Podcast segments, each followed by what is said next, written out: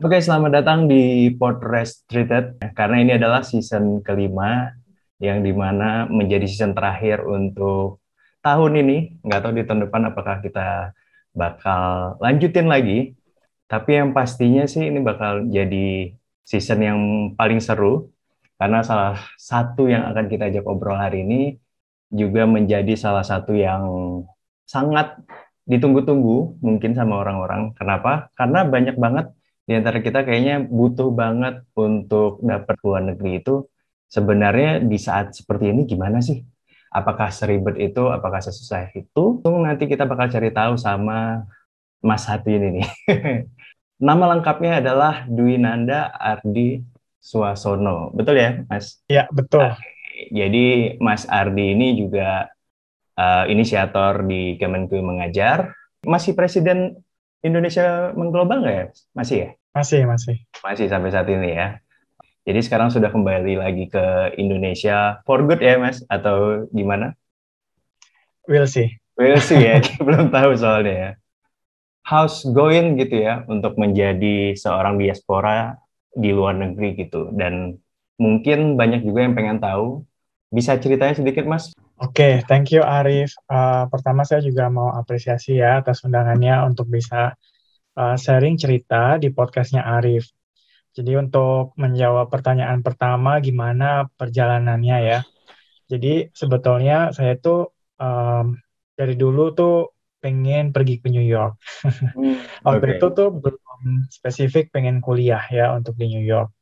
Uh, nah kemudian di tahun uh, setelah saya apa selesai dari S1 di UI, kemudian saya mulai kepikiran untuk uh, sekolah lagi lanjut S2. Nah, pada saat itu saya mendaftar beasiswa dulu ya, uh, dari beasiswa pemerintah di tahun 2016. Kemudian saya dapat beasiswanya di tahun itu juga. Dan setelah dapat beasiswa, saya mulai daftar kampus.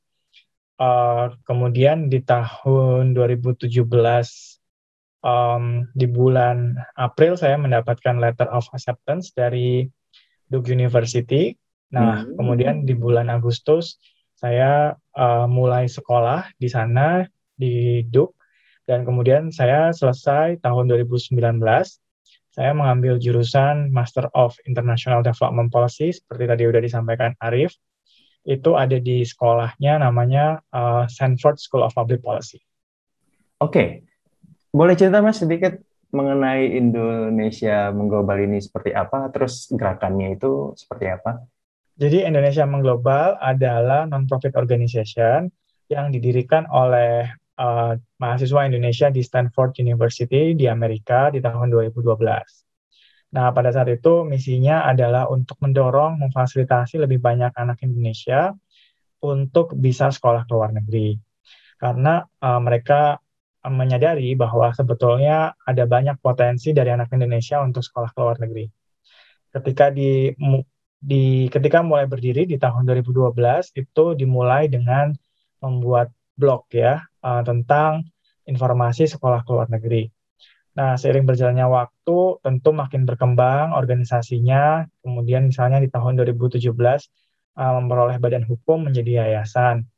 Nah, sekarang sudah masuk tahun ke-9 Indonesia Mengglobal saat ini relawannya karena kami adalah non-profit. Volunteernya itu terdiri dari 40 anak Indonesia.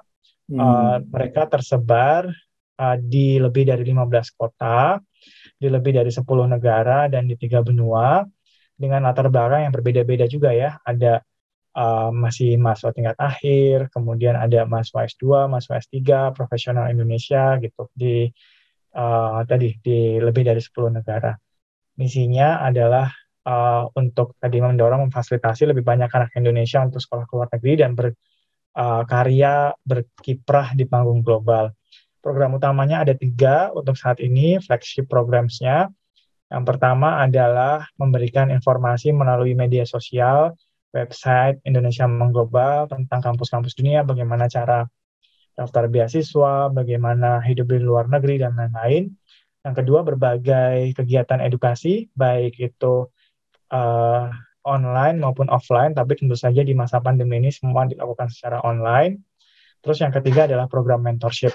Program mentorship itu apa namanya dalam uh, kalimat singkat itu adalah berusaha untuk menggabungkan, mempertemukan anak-anak Indonesia yang ingin sekolah ke luar negeri sebagai menti dan anak-anak Indonesia yang sudah pernah uh, sekolah kuliah di luar negeri sebagai mentor. Oke. Okay, gitu. Jadi, jadi uh, membantu anak-anak Indonesia yang sekolah ke luar negeri untuk mempersiapkan aplikasi mereka mendaftar kampus atau mendaftar beasiswa. Dan semua program kita itu dilakukan secara cuma-cuma, gratis, tidak pernah berbayar, dan bisa diikuti oleh siapa saja. Well, honestly speaking, saya tuh nggak pernah bercita-cita untuk jadi presiden Indonesia mengglobal. Uh, tetapi menurut saya ini adalah amanah yang besar, amanah yang penting, dan saya tuh selalu senang kalau saya bisa berkontribusi untuk orang banyak gitu ya. Saya pikir itu juga tujuan hidup dari banyak manusia juga ya, untuk bisa bermanfaat bagi orang lain. So that when opportunity came gitu ya, saya pikir ya ya kan saya dikasih kepercayaan melalui proses pemilihan juga. Jadi saya berusaha menerimanya dan melakukan yang terbaik gitu selama uh, proses saat ini menjadi presiden. Dan ini juga uh, menurut saya saya uh, saya tuh sudah gabung di Indonesia Mengglobal ini adalah tahun ketiga saya.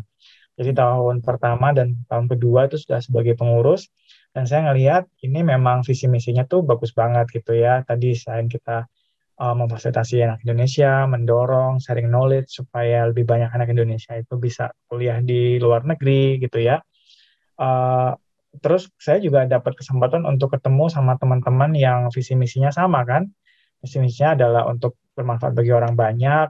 Visi misinya adalah untuk bisa menolong anak-anak Indonesia yang pengen sekolah ke luar negeri gitu ya. Jadi itu juga membangkitkan energi saya juga ya uh, untuk uh, dan menjaga energi saya juga supaya bisa terus bermanfaat bagi orang lain.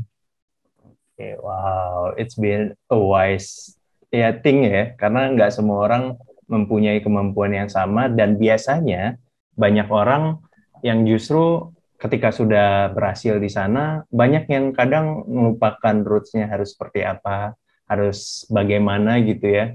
Karena kalau dipikir-pikir juga hampir sebagian orang ya udah ketika sudah menemukan titik nyamannya ya lebih baik pergi sekalian gitu kan tanpa memikirkan yang lainnya. Jadi Mas Adi sendiri dengan Mas Adi tinggal di sana, apakah memang menjadi alasan juga gitu supaya masih bisa mendapatkan link yang banyak untuk membantu orang-orang lagi, terutama mahasiswa Indonesia, atau justru memang pengen balik sih sebenarnya Uh, sebetulnya karena uh, pekerjaan saya pikir saya akan lama di Indonesia. Tapi tadi kenapa saya pikir we, tadi kenapa saya bilang will see karena somehow kan uh, nasib juga nggak ada yang tahu ya jalan hidup gitu. Hmm. Tetapi saya pikir uh, poinnya tuh Arif ya di, di era yang sekarang ini yang saya juga pelajar pelajarin dari dari pengalaman di Indonesia mengglobal bahwa uh, if you want to contribute to society bahkan ke Indonesia itu tuh nggak harus fisiknya ada di Indonesia. Mm-hmm. tetap bisa kontribusi ke Indonesia tapi dengan uh, lokasi di mana. Itu yang saya lihat dari teman-teman di Indonesia mengglobal. Karena mungkin sekitar 50 sampai 60 persen relawannya itu juga tinggalnya di luar negeri. Dan mereka tuh kalau mengerjakan program-program Indonesia mengglobal tuh kan secara voluntaris, secara sebagai relawan tidak mendapatkan uh, apa kompensasi materi gitu loh. Dan dan mereka tetap bisa menjalankan berbagai program. Kalau uh, Arif lihat di media sosialnya Indonesia Mengglobal gitu.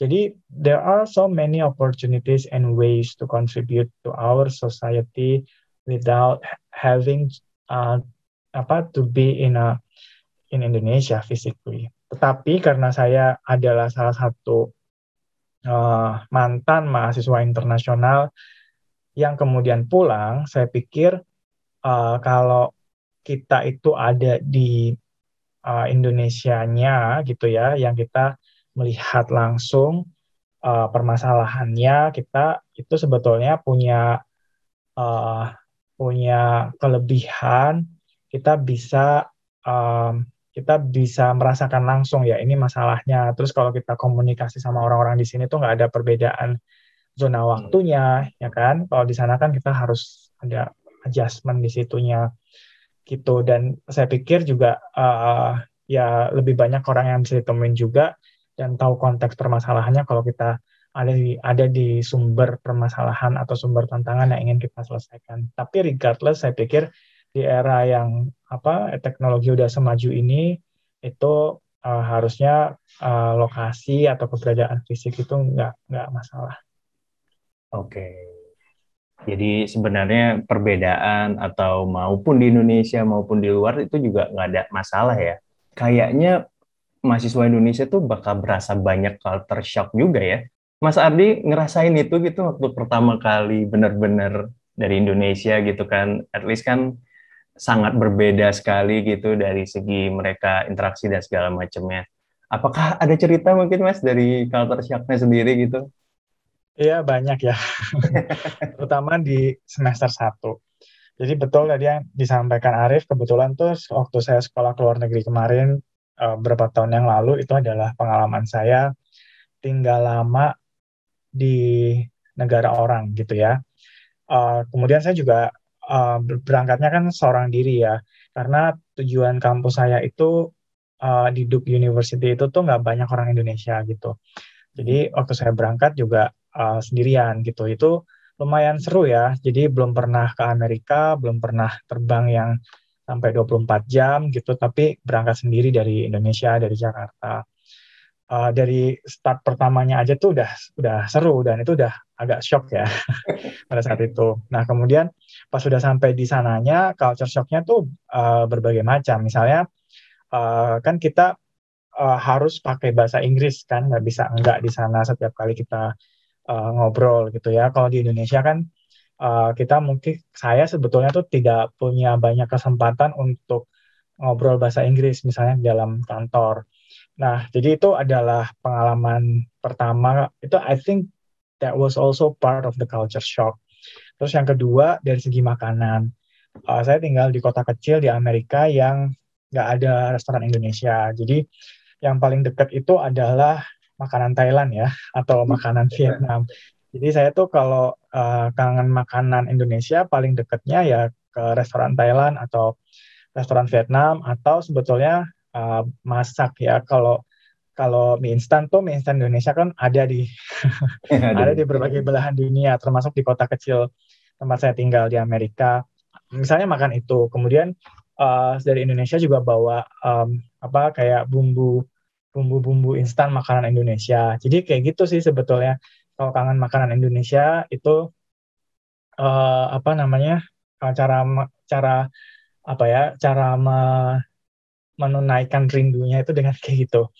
Uh, sebetulnya ada juga tempe yang jual di sana ya di kota kecil saya itu. Tapi harganya tuh kayak 5 dolar dan itu wow, kayak cuma satu.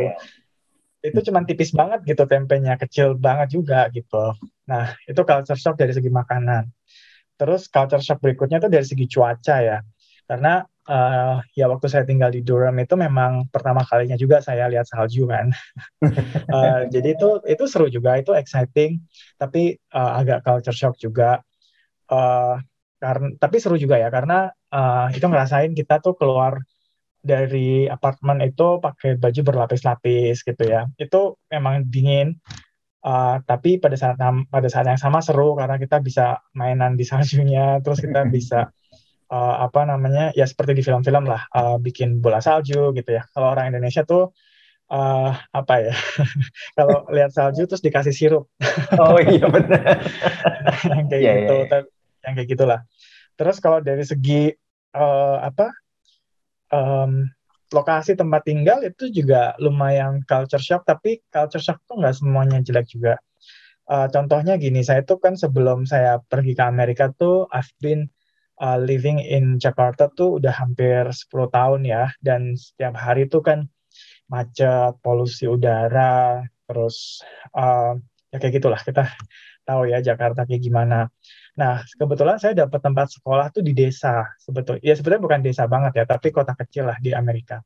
Di Durham itu. Itu yang uh, jarang banget ada mobil sebetulnya di jalan. mm-hmm. Jadi saya tuh suka cerita gitu sama teman-teman saya waktu saya pindah Durham itu agak shock karena dari kota besar terus ke kota kecil yang kalau saya mau nyebrang jalan itu tuh istilahnya saya nggak perlu lihat kanan kiri karena nggak ada mobil gitu Terus yang kedua, uh, kota apa kampus tempat saya kuliah di Duke itu tuh sangat hijau gitu.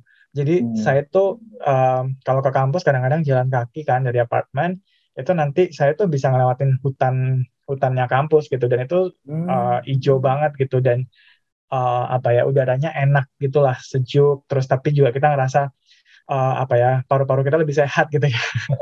Karena uh, jalan yeah, di iya. tengah-tengah uh, yang uh, situasinya tuh hijau banget.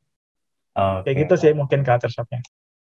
Apakah mendatangkan satu tempat yang memang udah dari dulu kayak wah ini kayaknya someday harus banget datangin nih.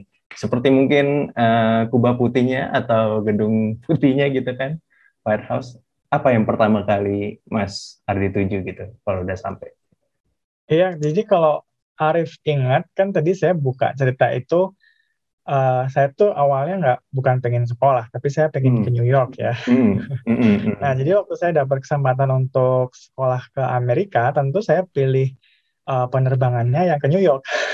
New York dulu ya. penerbangannya lewat New York karena kan sebetulnya ada beberapa jalur penerbangan ya dari Jakarta ke Durham gitu kan. Mm-hmm. Uh, ada yang lewat Washington DC, ada yang lewat New York, ada yang lewat beberapa kota lain gitu. Jadi saya pilih ke New York. Nah, jadi uh, apa tujuan untuk ke New York itu adalah langsung tercapai begitu saya sekolah. Oh, Oke. Okay. Karena uh, dari Jakarta itu transitnya ke kalau nggak salah saya ke Jakarta ke du Dubai something. Terus saya habis dari du du dari Dubai ke Washington, Washington ke New York, uh, kemudian New York ke Durham gitu, sambung menyambung gitulah. Uh, atau saya lupa ya, atau dari Jakarta, Dubai, terus New York, terus ke Durham gitu. Nah, jadi uh, itulah tempat pertama yang saya datangi ya di New York dan itu ya bersyukur ya itu tercapai sekaligus dengan tujuan sekolah. Nah, kalau tadi contohnya adalah uh, apa White House gitu ya. Ya karena saya bersyukur juga saya dapat kesempatan kerja tiga bulan di Washington DC kerja hmm. magang.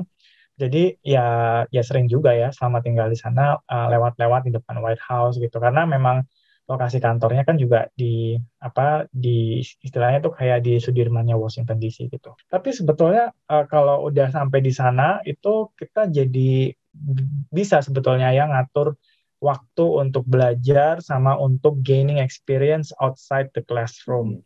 Nah, uh, dan uh, misalnya menurut saya tuh percaya gini, kita traveling itu sebetulnya adalah belajar juga gitu.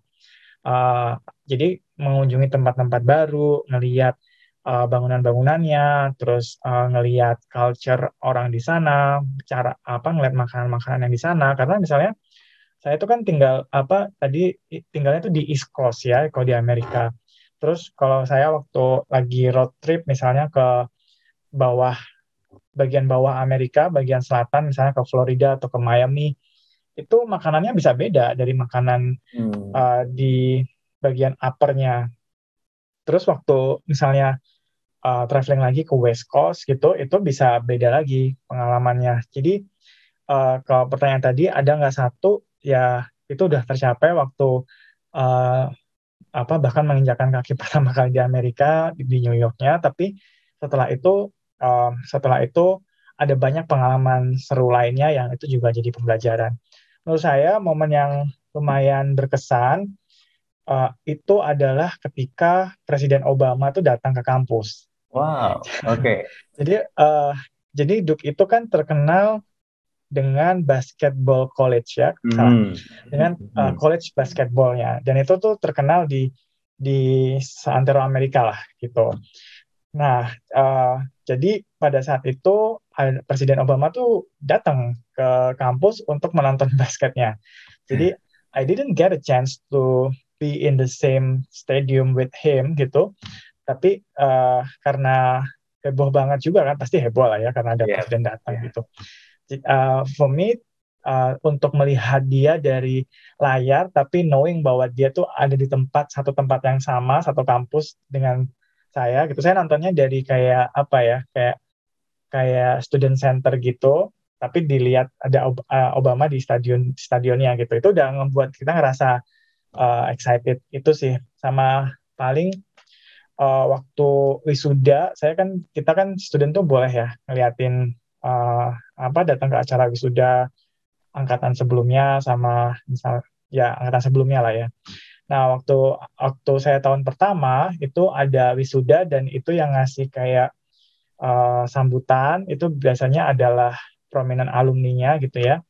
Nah, itu yang yang datang ke kampus adalah Tim Cook. Tim Cook uh, itu sekarang wow. jadi CEO-nya Apple kan. Apple. Jadi saya juga kayak wah, itu wow. Tim Cook ada di depan mata saya secara langsung itu ya it was a good, it was a it was a good experience. Wow, tapi kalau dilihat dari perjalanan Mas Ardi juga nginterview beberapa orang, kayaknya sih udah layak juga ya. Kalau bisa kesempatan untuk interview Tim Cook atau Barack Obama sendiri, apakah siap? Uh, yeah, well, I, I don't know ya whether the opportunity will come or not. Tapi yang Arif sebutkan itu kan sebetulnya adalah uh, pas experience saya ya. Sebetulnya saya sekarang sudah tidak mengerjakan hal itu lagi. Oh, saya tidak okay. uh, tidak menjadi interviewer atau tidak menjadi bagian dari uh, tim publikasi di kantor gitu ya. Tapi it was a good experience. Um, dan kalau ada kesempatannya, well I don't know kapan atau bagaimana itu bisa terwujud. Tapi I would be very excited ya sebetulnya. Oh, kalau iya. yang diwawancara adalah tim Cook atau ya. So sejauh ini the best experience selain itu it was uh, udah best moment sih sebenarnya. Tapi apakah ada yang berbekas banget? Mungkin interview dari salah satu mereka saat itu mungkin? Iya, jadi uh, waktu saya masih mengerjakan pekerjaan itu, salah satu kesempatan adalah saya mewawancarai mantan Menteri Keuangan Pak Khatib Basri ya. Uh, nah, kemudian waktu saya mengerjakan uh, tesis saya, itu salah satu prosesnya dilalui dengan melakukan wawancara juga pada beberapa pengambil kebijakan. Nah, saya waktu itu tuh mencoba juga untuk menghubungi Pak Katib lagi, tapi settingnya berbeda ya, konteksnya juga berbeda, karena waktu saya dulu mewawancarai beliau itu dalam kapasitas pekerjaan, kalau sekarang dalam kapasitas mahasiswa yang sedang menyelesaikan tesis, waktu itu ya, 2019. Eh, nah, saya menghubungi Pak Katib itu lewat uh, eh, DM Instagram sebetulnya. Hmm, okay. Nah kemudian uh, Pak Katib membalas dengan cepat, uh, bersedia untuk diinterview untuk kepentingan pengumpulan data tesis saya, dan terus besokannya atau I think um, one or two days later gitu, uh, we had the conversation um, dan itu kayak tiga jam gitu hmm. ngobrolnya. Jadi saya sangat menurut saya itu pengalaman yang sangat berkesan ya. Jadi saya mendapatkan kesempatan untuk mewawancarai uh, mantan Menteri Keuangan untuk uh, tesis saya uh, dan beliau sangat helpful. Oke, okay. apakah ada mungkin satu quotes or something yang mungkin bisa dari mereka atau mungkin ada reference dari Mas sendiri yang dipegang sampai saat ini sampai akhirnya bisa sejauh ini gitu perjalanannya. Apakah ada satu quotes yang membawa Mas Ardi seperti saat ini? Atau sebetulnya quotes-nya mungkin uh, agak klise ya tapi memang yang saya uh, apa ya I think itu kebukti berkali-kali dalam perjalanan hidup saya. Misalnya itu adalah um, jangan pernah berhenti sebetulnya. Itu sih. Jadi uh, kita boleh ngerasa kadang-kadang capek gitu ya. Kita boleh kadang-kadang ngerasa uh, I don't think there is uh, more opportunity for me gitu ya. Tapi uh, apa pada saat kita lagi ngerasa kayak gitu lagi ngerasa down misalnya gitu itu di disadarin kemudian di di disadarin di acknowledge perasaan itu selama beberapa saat tapi kemudian terus kita uh, sadar lagi kembali lagi ke tracknya gitu. Jadi selalu kembali ke tracknya gitu. Oh gitu. Kadang-kadang capek dikit nggak apa-apa, tapi nanti kita balik lagi. Ya, terkadang ngeluh boleh lah ya, gitu. Yang penting jangan berlarut gitu ya. Jadi di last session kali ini kita tutup dengan mungkin Mas Ardi pengen ngasih sepatah dua kata gitu buat teman-teman di Indonesia yang mungkin semangatnya udah mulai kendor gitu kan karena pandemi saat ini. Ya, yeah, I think um, this is a good question ya. Uh, saya pikir memang kita tuh menghadapi uh, situasi yang um, tidak favorable ya karena pandemi ini. Tapi uh, saya pikir kita semua menghadapinya gitu loh. Jadi uh, semua uh, semua orang itu juga struggling gitu pada era seperti sekarang ini. Jadi menurut saya itu justru uh, at some point menjadi semangat buat kita untuk tidak tidak menyerah gitu. Uh, malah bersama-sama menghadapi situasi ini bersama-sama saling menguatkan gitu ya. Uh, saya juga ada beberapa teman yang harus uh, apa melakukan kuliah daring gitu ya, uh, baik dari Indonesia, kampusnya di luar negeri atau udah sampai ke luar negeri uh, ternyata nggak bisa datang ke kampusnya gitu. Jadi belajarnya dari apartemen karena daring. I think it uh, it must be susah ya, uh, very challenging untuk menghadapi situasi seperti itu. Karena kebetulan saya kan udah nggak belajar ya ketika hmm. pandemi ini uh, datang gitu, saya udah lulus.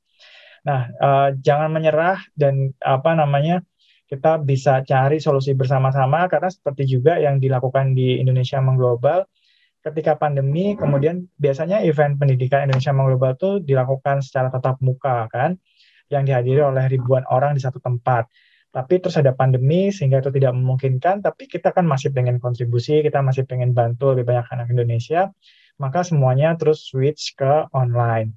Nah tapi kita dapat pembelajarannya juga justru. Misalnya ketika uh, event-event Indonesia mengglobal dilakukan secara online itu justru bisa menjangkau lebih banyak anak-anak Indonesia di berbagai wilayah termasuk di wilayah-wilayah Indonesia Timur atau uh, misalnya tempat-tempat yang jauh. Karena biasanya kalau kita menyelenggarakan kegiatan pendidikan yang offline gitu kan di Jakarta. Jadi yang bisa datang ya misalnya di teman-teman yang di Jakarta atau uh, sekitar Jakarta. Tapi ketika itu dilakukan secara online justru kita dapat uh, peserta dari bisa dari Indonesia Timur juga dan semakin uh, accessible buat semua orang gitu. Jadi uh, banyak juga sebetulnya cara untuk menjadi kreatif ya uh, dalam keadaan yang very challenging ini gitu dan uh, kalau kita sama-sama tuh insya Allah kita bisa lebih ringan lah ya.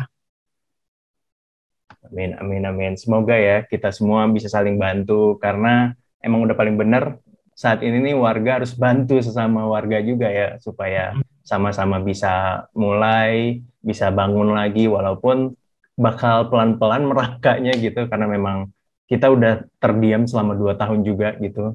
Ya mungkin semoga tahun depan kita bisa mendapatkan hal yang lebih baik ya daripada Amin. dua tahun ini. Yang memang kita ngerjain sama sekali apa pun, nggak bisa ketemu. Maybe next time kita bisa ngobrol langsung ya, Mas Ardi. Boleh, boleh. Oke, okay. Mas Ardi, thank you banget atas waktunya malam hari ini. Maaf juga atas kekurangannya. Jadi buat teman-teman, terima kasih juga udah dengerin. Jangan lupa untuk tungguin episode selanjutnya dari Podcast Related Session di season 5 kali ini ya. Karena kita nggak tahu siapa lagi nanti yang akan kita ajakin, tapi tungguin aja di YouTube channelnya Podcast Related dan juga di Spotify-nya Podcast Related. Kalau gitu Mas Adi, thank you. Mas Ari for having me. Good luck ya untuk semua yang dikasih. Semoga sehat-sehat terus, stay safe ya Mas. Sehat-sehat juga. Oke okay, ya, Mas, thank you, selamat Ari. malam. Thank you Mas. Thank you.